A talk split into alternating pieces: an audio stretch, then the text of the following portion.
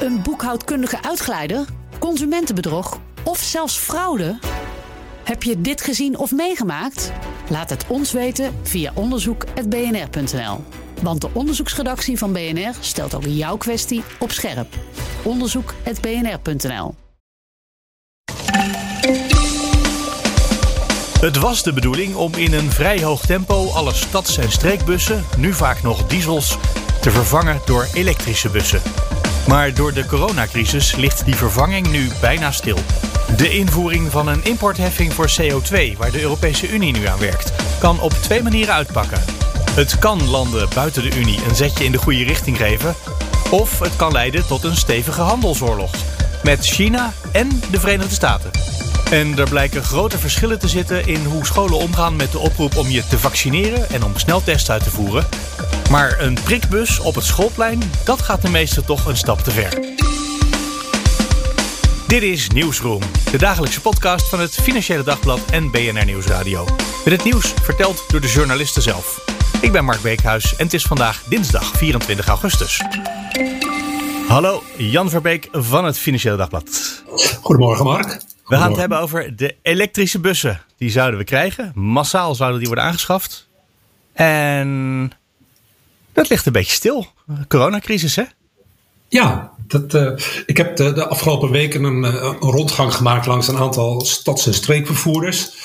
Het zijn grote partijen in Nederland um, die allemaal hun ambi ambities hebben op het punt van de elektrificatie van, het, van hun materieel, van hun bussen.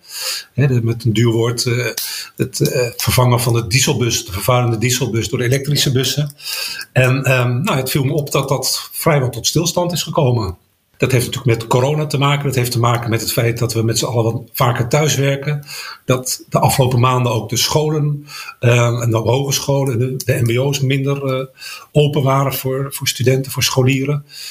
Uh, dat, dat hebben ze goed gemerkt in de passagiersaantallen. En dat heeft, heeft impact op hun, ja, op hun financiële positie, op hun investeringsmogelijkheden. Het grijpt allemaal in elkaar in. En je zou denken, uh, die, als die bussen vervangen moesten worden, dan moeten ze toch vervangen worden. Ja. Uh, dus vroeger of later gaat dit misschien wel alsnog gebeuren. Ja. Maar in het stuk wat ik van jou uh, hand lees, in de, op de voorpagina van de krant, het zijn wel ongelooflijk dure bussen. Dus ik kan me ook voorstellen dat zo'n maatschappij dan denkt, nou, als het niet hoeft, dan wachten we nog even. Ja. Nee, het, ma het, maakt inderdaad veel verschil of je een, een dieselbus aanschaft of dat je een elektrische bus aanschaft. En een dieselbus kost uh, voor de vuist weg 200.000, 250.000 euro. Een elektrische bus, um, uitstootvrij, schoner, die, die kost om en bij de 500.000 euro. Gaat wel langer mee, heeft ook minder onderhoud, maar het is toch een, er hangt wel een prijskaartje aan, dat klopt. Uh, elektriciteit is misschien goedkoper dan, uh, dan diesel. Dus je zou ook daar het weer terugverdienen als je maar ja. blijft rijden. Ja, nee, dat is ook zo. Die, die berekeningen heb ik wel gezien en dat ziet er gunstig uit. Maar het is wel op het moment, op dit is waar ze op dit moment tegenaan lopen, dat die vervanging van het materieel, dat is, een, dat is echt een, een issue, dat is echt een punt. uh. Ik ga niet zo heel vaak met de bus. Ik ga wel met de metro. Die is eigenlijk best wel vol. Uh, ja. Ook wel dat je van die vier van die stoeltjes hebt en dat je alle vier uh, bezet hebt.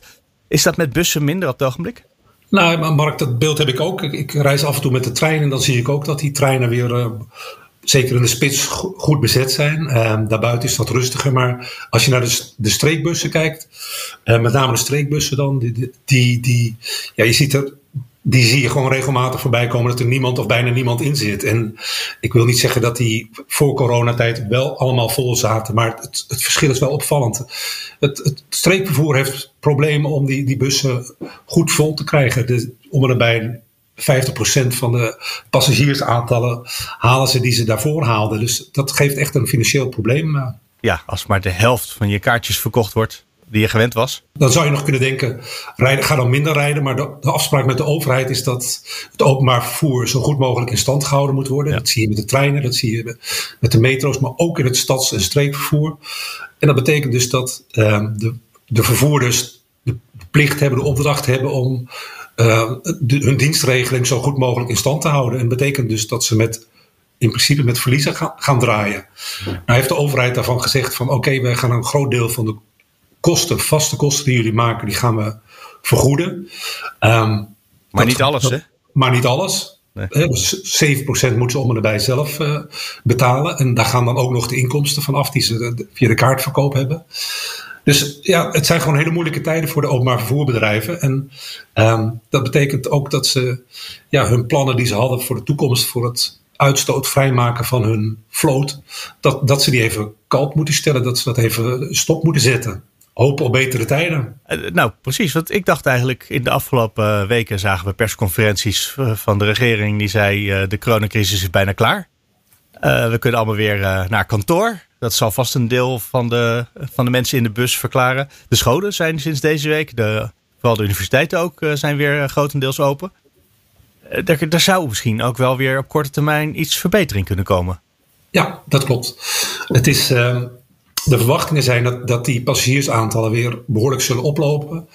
Um, maar er, er is nog een complicerende factor ook. En dat is dat als een vervoermaatschappij wil investeren in nieuw materieel, in elektrische bussen, dan wil je ook zekerheid hebben dat je een bepaalde concessie in een regio, of dat nou Noord-Nederland of Brabant of Limburg is, dat je die lange tijd in handen hebt. Dat je niet die voor één of twee of drie jaar hebt, maar dat je dat voor tien jaar en, en als dan de vervoerders ligt zelfs nog langer dan die tien jaar in bezit hebt. Dan kun je plannen maken, dan kun je investeren, dan weet je wat het je gaat kosten. En op dit punt uh, is het nog niet goed geregeld. In de zin van dat de concessies die uitgegeven worden aan die vervoerders, dat die vaak nog een tijdelijk karakter hebben, nog een noodkarakter hebben. Dus um, het, is, het is lastig ondernemen voor die vervoerbedrijven. Ze, ze weten niet waar ze de komende jaren nog aan toe zijn. Je gaat naar de bank en dan kan je misschien niet eens geld krijgen voor de bussen die je wil kopen, omdat die zegt: Ik weet niet of je over drie jaar nog inkomsten hebt. Precies, precies. Want wat gebeurt er als jij je, je concessie in, in Brabant of Limburg verliest? We hebben net 20, 30, 40 van die elektrische bussen aangeschaft. Wat gebeurt er dan met die bussen? Ja. Dat, is een, dat is een punt van onzekerheid. Nou heeft de overheid heeft, uh, afgelopen zomer uh, een soort van extra subsidieplan uh, in het leven geroepen. Ehm, de staatssecretaris heeft 40 miljoen extra ter beschikking gesteld aan de vervoerbedrijven om hen toch ook in deze moeilijke tijd een duwtje in de rug te geven. Te zeggen van goh, die 40 miljoen die kunnen jullie gebruiken om de, de, dieselbussen te vervangen voor door elektrische bussen. Je, je, mag, je krijgt daarvoor maximaal 50.000 euro voor de aanschaf van een elektrische bus. Mm Nou, de verwachting is dat dat wel wat effect zal hebben, maar op het grote aantal um, zal dat toch niet zo gek van uitmaken. Je moet namelijk weten dat er rijden in Nederland 5200 bussen in het stads- en streekvervoer. Daarvan moeten er nog 4000 worden vervangen door elektrische. Dus dat is echt een, eh, een grote opgave. Ja, aan de andere kant, ik zag het trafiekje en ik was eigenlijk verbaasd dat al één op de vier bussen elektrisch is. Dat is best al een prestatie toch, dat dat eh, inmiddels zo bereikt is. Ja, ik moet je eerlijk zeggen dat ik, ik, ik, ik zat een beetje aan de andere kant. Ik dacht, ik dacht dat het al meer elektrisch Nou ja, als je het aantal personenauto's wat elektrisch is bekijkt, dat is vast nog niet een kwart. En ze hadden misschien wel door willen gaan Komt ook wel weer even geduld. Nou ja, ik, ik, denk ook eerlijk gezegd, de ambitie is om in 2030 uh, met een volledig elektrische vloot uh, rond te rijden in Nederland. Dat betekent dus dat er de komende jaren flink veel werk is voor de, voor de vervoerders en dus ook voor de busfabrikanten. Een busfabrikant zoals VDL, hè, die hopen natuurlijk veel van die orders binnen te krijgen. Um, als je me nu vraagt, dan denk ik dat dat best gaat lukken uh, de komende acht, negen jaar. Maar het is wel, er staat wel een groot vervangingsprogramma voor op het, uh, te doen. Is, is te doen. En um, de komende twee jaar mag je er niet te veel van verwachten. Maar daarna zullen ze toch wel helemaal losgaan, denk ik eerlijk gezegd. Met steun van de overheid. Uh, ja, want het blijven, daar begonnen we mee, best wel dure apparaten, die elektrische bussen. Ja, ja, ja het is een factor 2, 2,5 keer. maar goed, als je het eh, op, over iets langere termijn uitsmeert, dan blijkt toch dat, die, dat er minder onderhoud aan is, dat ze langer meegaan. Dus het, het, uh, kosten, het kostenoverzicht, het kostenplaatje ziet er toch iets anders uit dan, dan voor de gemiddelde dieselbus. Uh. Ja, kan je niet zo één op één met elkaar vergelijken. Nee, dat snap ik. Jan Verbeek, dankjewel. Graag gedaan. Hallo, Robert Kleinknecht van ESB. Goedemorgen. We gaan het hebben over de CBAM of de CBAM, of hoe spreek jij hem uit? Kabam vind ik zo wel een mooie Kabam, mooie oh, de Kabam, ja. de Carbon Border Adjustment Mechanism. Dus de CO2-importbelasting. Ja, klopt. Grensheffing voor CO2. Ik kan het op verschillende manieren vertalen, maar... Ja, en dat is een idee van de Europese Commissie om uh, in elk geval de Europese bijdrage aan de opwarming van het klimaat tegen te gaan. Maar ja, als wij in Europa, hè, dan moeten ze buiten Europa ook, anders dan kunnen ze daar ondraaglijk goedkoop produceren. Dan worden al onze bedrijven weggeconcurreerd. Uh, daar is dit systeem voor bedacht, hè? Ja, klopt. Dat is inderdaad precies uh, waar dit probleem, op, waar dit een oplossing voor moet zijn. Um, punt is, Europa is ambitieus met het klimaatbeleid. wil de CO2-uitstoot drastisch, drastisch reduceren. Veel meer dan voorlopig dan de Verenigde Staten en China van plan zijn. Dat is de Green Deal van de Europese Unie die ze in juli gepresenteerd hebben. En ja, Europa voerde al best wel uh, goed klimaatbeleid. Ik zeg goed omdat het wat voorstelt in tegenstelling tot het, de plannen in China en de mhm. plannen in de Verenigde Staten. ze proberen er serieus werk van te maken. maar het nadeel daarvan is dat het natuurlijk bedrijven op kosten jaagt. Um, en uh, het grote nadeel is nu uh, met het huidige systeem dat het eigenlijk vooral Europese bedrijven op kosten jaagt. Want uh, bedrijven die buiten Europa produceren, die kunnen gewoon hun producten nog steeds importeren. En daar geldt de heffing niet voor. dus ja, dat zorgt voor, zorgt voor een kostennadeel. Als je ervan uitgaat dat het duurder is om milieuvriendelijk te produceren. Ja. En deze heffing die moet dat tegengaan. Dus die moet eigenlijk ook diezelfde kosten die we onze producenten opleggen moet het ook opleggen aan de, aan de buitenlandse producenten. Ja, want ik stel me zo voor, je bent Tata Steel en je wordt ineens geconfronteerd met een CO2-belasting in Europa. Dan denk je, ik zet hem gewoon, die fabriek, die verplaats ik naar Turkije. Die doen niet mee. En dan kan je het zonder die CO2-belasting, kan je het Europa inbrengen nu. Ja, precies. Dat zou in theorie kunnen. De vraag is of het in praktijk altijd de soep zo heet gegeten wordt. Want het verplaatsen van een fabriek is niet zo makkelijk. Maar je hebt natuurlijk ook te maken met Zuid-Koreaanse eh, concurrenten die een deel van de markt misschien weer van jou overnemen omdat die goedkoper kunnen produceren of met, met andere concurrenten.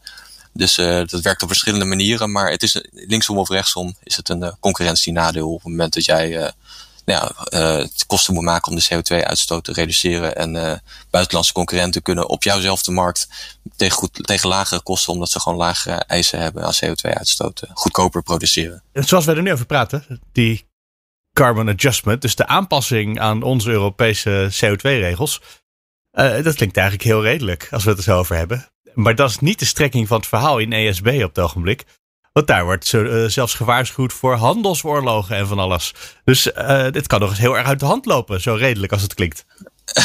ja, nee, dat is het probleem. Van in theorie is het een fantastische oplossing. En ja, zou hier gewoon enorm voor moeten zijn. Ik heb er zelf ook een aantal jaar geleden nog voor gepleit, omdat het eigenlijk heel gek is natuurlijk op het moment dat je uh, je eigen producenten in Europa bepaalde verplichtingen oplegt, dat je dan tegen de andere producenten wel je markt op mogen komen met import zonder dat ze verplichtingen hebben. Dus heb je, mhm. ben je gewoon je eigen uh, bedrijf een concurrentie nadeel aan het geven. Dat lijkt me toch niet per se een handige strategie.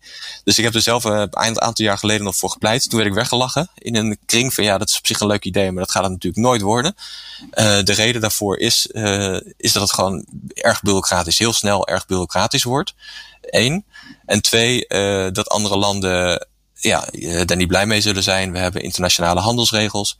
Um, en daar wordt in principe weinig tot geen rekening gehouden met het klimaat. Dus als jij uh, uh, andere landen klimaatregels oplegt, dan zien zij, kunnen, ja, kunnen zij dat uitleggen als een schending van de internationale handelsregels. En dan kunnen ze bij de Wereldhandelsorganisatie, de WTO, kunnen ze jou aanklagen. En dat is volgens mij in praktijk vaak met succes.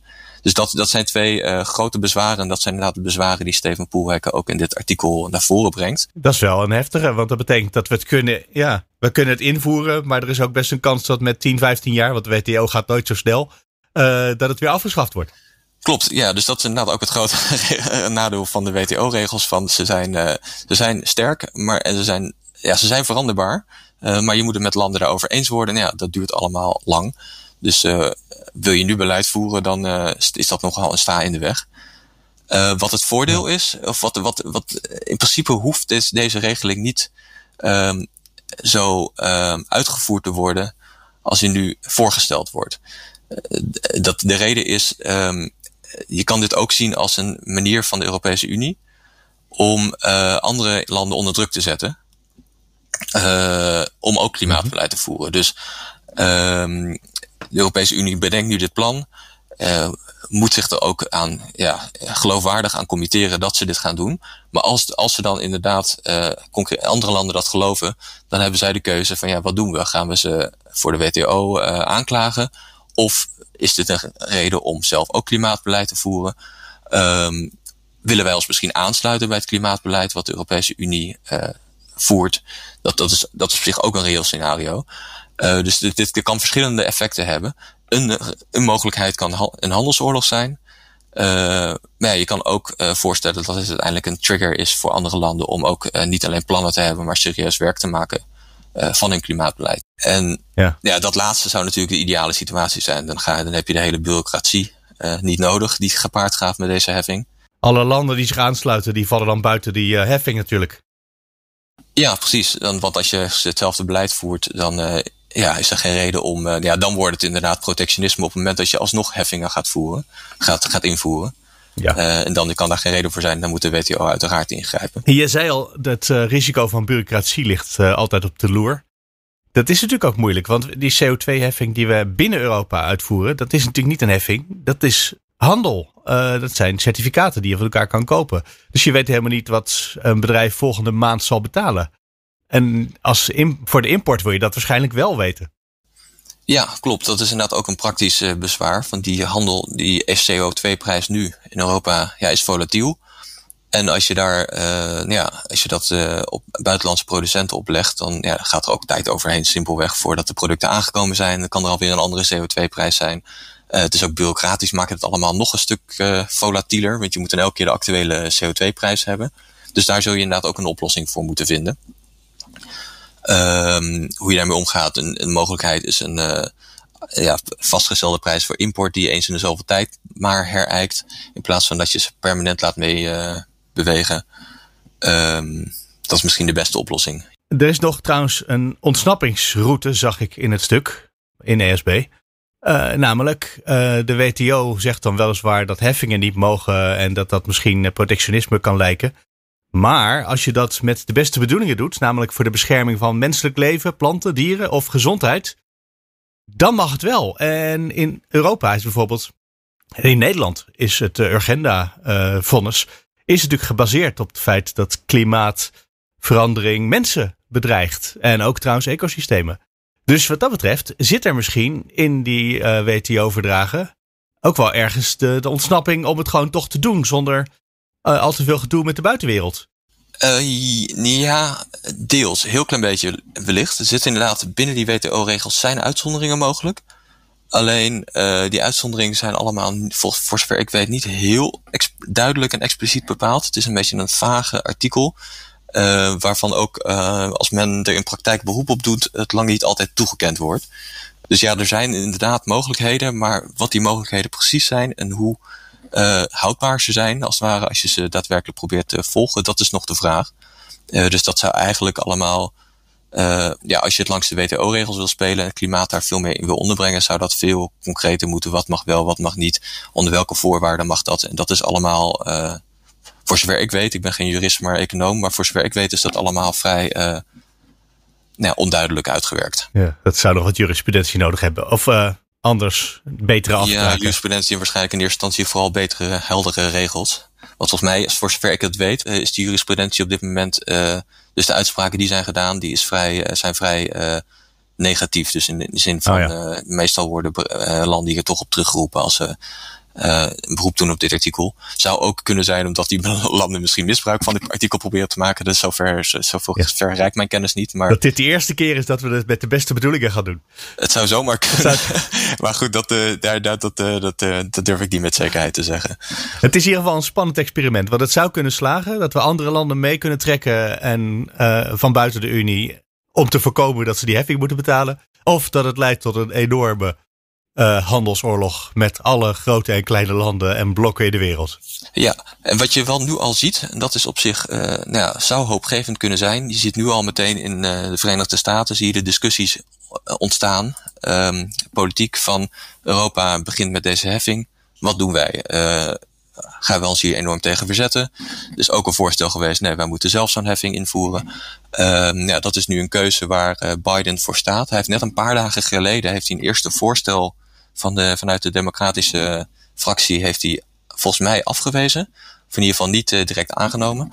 En daar lijkt de reden voor te zijn dat ja, een risico van zo'n heffing invoeren is dat het ook de inflatie opjaagt. Dus dat de prijzen omhoog gaan. Wat waarschijnlijk zo is, ja. Wat waarschijnlijk zo is, inderdaad. De vraag is natuurlijk altijd hoe, hoe heet die soep ook weer gegeten wordt. Maar dat, dat zou goed kunnen, want op dit moment profiteren wij in zekere zin als consument van uh, die import die ja, lagere uitstootkosten heeft dan, uh, dan onze Europese producenten. Dus dat maakt in principe de, de producten goedkoper. Dus op het moment dat dat duurder wordt, zouden de prijzen moeten gaan stijgen. De vraag is altijd in hoeverre die doorgerekend worden en zo.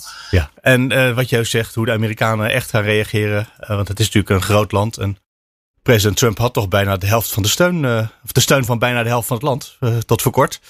Uh, en die zou hier nooit aangewild hebben. Nee, klopt. En dat zit inderdaad ook achter de, denk ik, de aarzeling van Biden om uh, meteen akkoord te gaan met een dergelijk voorstel. Aan de ene kant is hij enorm uh, voorstander van klimaatbeleid, daar zet hij ook enorm op in. Aan de andere kant nou ja, kan dit wel koren op de molen zijn van de Trump-aanhangers. want ja, het zou de prijzen kunnen verhogen en dat is, hij kan, komt hem natuurlijk niet goed uit met de midterms in aankomst. Ik zag gisteren nog in mijn Twitter-timeline, dus neem het altijd met een kool zout voor hetzelfde geld, is het fantasie. Een toezichthouder op de olieindustrie in Texas, die als oplossing voor het klimaatprobleem, de opwarming van de aarde had, dat we allemaal de airco een draadje, graadje hoger gingen zetten. Of dus een graadje sterker. Maar ja, wat natuurlijk in binnenshuis werkt. Uh, ja, ja, nee, precies. Als je er een hele beperkte bril wil zetten, dan uh, is het een uh, ideale oplossing. Maar nou ja, goed. Robert, dankjewel. Uh, ja, jij ook bedankt. En dit speelt nu wel, inderdaad. Wat je zei, het is uh, geen nieuws, wel gesprek van de dag. Ja. Uh, maar dat vind ik ook wel mooi. Misschien moeten we het daar ook even over hebben, over wat nou eigenlijk nieuws is. Oké. Okay. Toch? Ik bedoel, het, is, het staat wel op pagina 2, 3 van de krant. Maar Zeker? jij zei toen ik je vroeg, zullen we het erover hebben? Ja, maar het is geen nieuws, hè? Dat weet je. Ja. dat vind ik al een hele mooie combinatie. nou, weet je wat het is? Um, Kijk, ah, in de regio Noord beginnen nu die middelbare scholen. En de coronaregels zijn uh, in vergelijking met uh, voor de zomervakantie niet veranderd. Hm. Het enige is dat sinds het begin van de zomervakantie kunnen ook jongeren worden gevaccineerd tussen de 12 en 18. En uh, daardoor krijg je dus op scholen een groot verschil tussen de, de leerlingen die gevaccineerd zijn en zij die dat nog niet zijn. Ja. En de scholen moeten daarmee omgaan.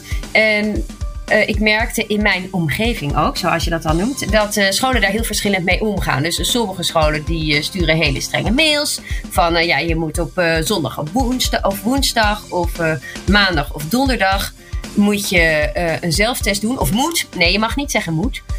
word je sterk aangeraden om een zelftest te doen. Dit geldt niet voor gevaccineerden natuurlijk, of mensen die het al hebben gehad. maar op andere scholen werd helemaal niets erover gezegd. En ja, ja, het is natuurlijk ook moeilijk. Want hoe ga je hiermee om? En toen dacht ik, ja, dat wil ik weten. Dus toen heb ik gisteren de hele dag, uh, ik weet niet hoeveel uh, middelbare scholen gebeld. En een aantal daarvoor opgevoerd in dit artikel. En dan zie je ook die verschillen. Ik ga even zeggen dat je elf van die toelaar bent van het Financieel Dagblad. Dan zijn we gewoon stiekem al begonnen. Het is natuurlijk een interessante vraag. Of het uh, nieuws is dat scholen verschillend omgaan met het coronabeleid. Want dat is inderdaad wel wat jouw stuk glashelder laat zien. Uh, mm -hmm. Wat jij net ook beschrijft strenge mails of helemaal niks. Of uh, vriendelijke mails. Vragen in de klas.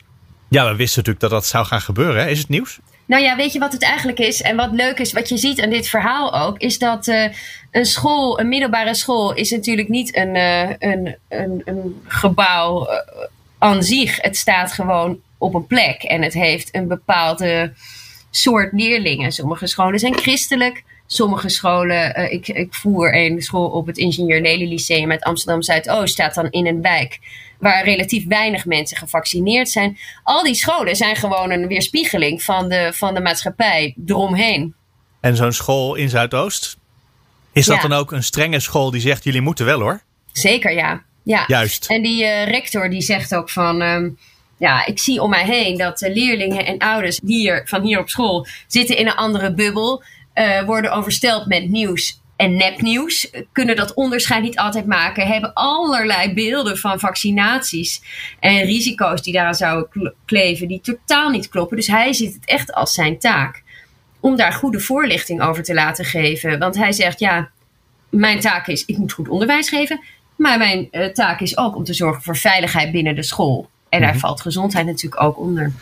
Ja, en komt het aan? Was dat jouw indruk? Lukt het hem om de leerlingen van zijn scholen bijvoorbeeld of te laten vaccineren of elke maandag en donderdag zo'n zelftest af te laten nemen? Nou, dat is een goede vraag, maar dat is nog niet helemaal duidelijk. Hij vertelde dat hij aan het begin van de zomervakantie een brief heeft geschreven aan de ouders en leerlingen. Weet je wel, zo'n nieuwsbrief van fijne vakantie, jongens allemaal. Komen jullie terug met een prik?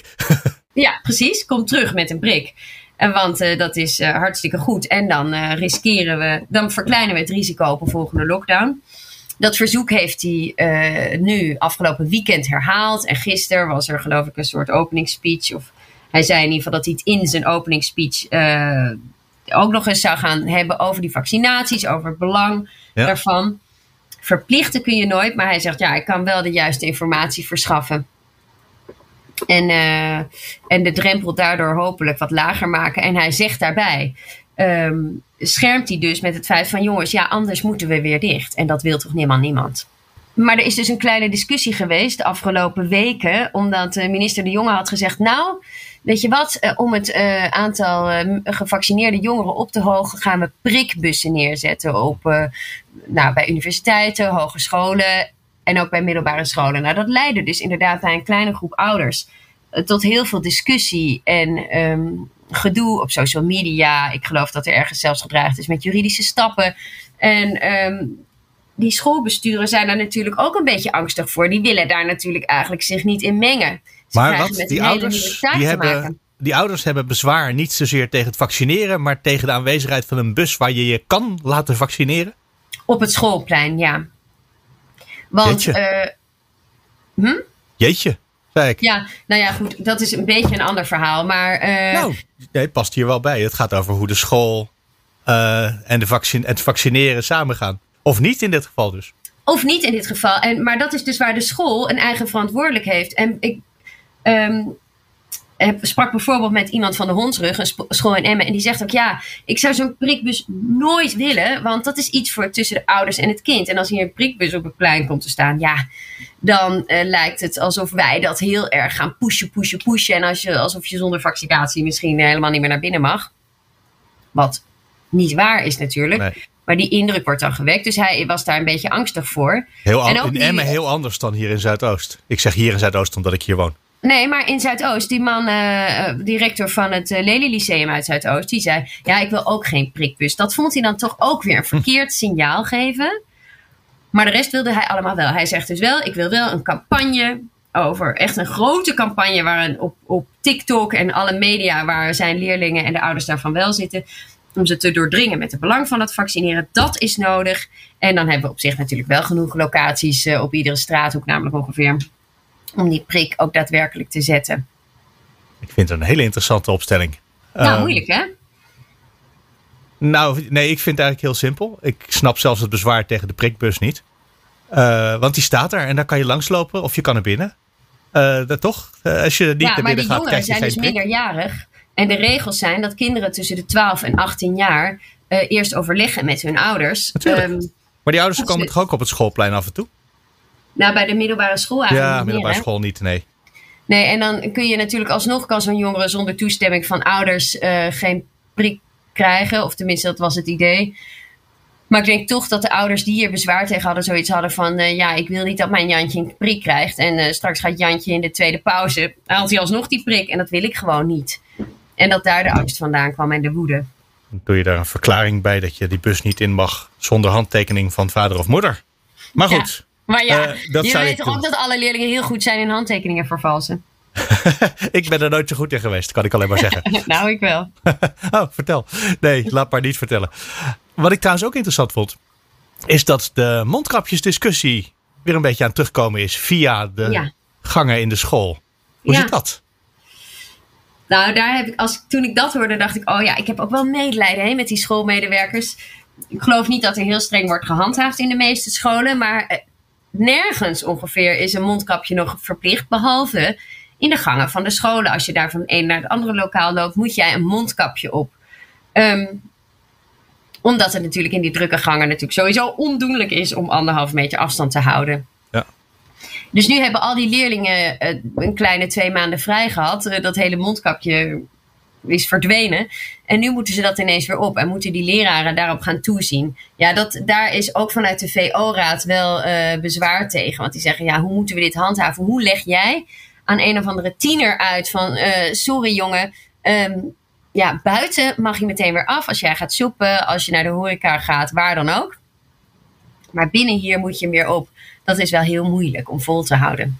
Daar worstelen die scholen mee. Daar worstelen ze mee. En ze hebben hun hoop gevestigd tot 20 september, want dan worden geloof ik de nieuwe maatregelen ja. um, afgekondigd en dan wordt dat verbod misschien opgeheven. Ze zouden de ventilatie een beetje op orde kunnen brengen. Hè? Dat zou ook heel veel helpen in die scholen. Ja, dat is een verhaal. Ja. ja, dan heb je die mondkapjes niet meer nodig misschien, als de ventilatie echt heel goed is. Hoewel, bij eh, de vliegtuigen zou die heel erg goed zijn. En zelfs daar heb je besmettingen. Dus... En zelfs daar heb je besmettingen. Dus eh, nee, we kunnen hier nog uh, eindeloos veel kranten over vol schrijven voordat het voorbij is. Vandaag in elk geval pagina 2 en 3. Elf van die Toulaar, dankjewel. En dan komen we aan het einde. De show notes vind je natuurlijk op bnr.nl slash nieuwsroom. En daar vind je ook het e-mailadres voor het geval je wil reageren. nieuwsroom.fd.nl of nieuwsroom.bnr.nl Zoals bijvoorbeeld Lucian deed. Die in de e-mail twee artikelen aan elkaar knoopt. Eentje van vorige week en eentje van gisteren. Want vorige week hadden we het over kogelvrije vesten. En beveiligers die kopen steeds vaker zo'n ding. Moeten die soms ook zelf aanschaffen. En gisteren hadden we het over de cao's voor beveiligers. En Lucian vraagt zich af of die kogelvrije vesten en ander beschermingsmateriaal ook iets is waar de twee cao's, want er zijn op het ogenblik twee concurrerende cao's voor beveiligers, of die twee cao's daarin misschien ook met elkaar concurreren. En eerlijk gezegd ben ik daar nog niet heel hard achteraan gegaan. Maar ik stuur het bericht even door aan Richard Smit, die je gisteren in de podcast hoorde over de cao's. Misschien dat hij daar nog later op terugkomt in de krant of wie weet in deze podcast. Dankjewel Lucian en wil je ook reageren? Mail naar nieuwsroom.bnr.nl of nieuwsroom.fd.nl. Dan zijn we er morgen weer. Graag tot dan.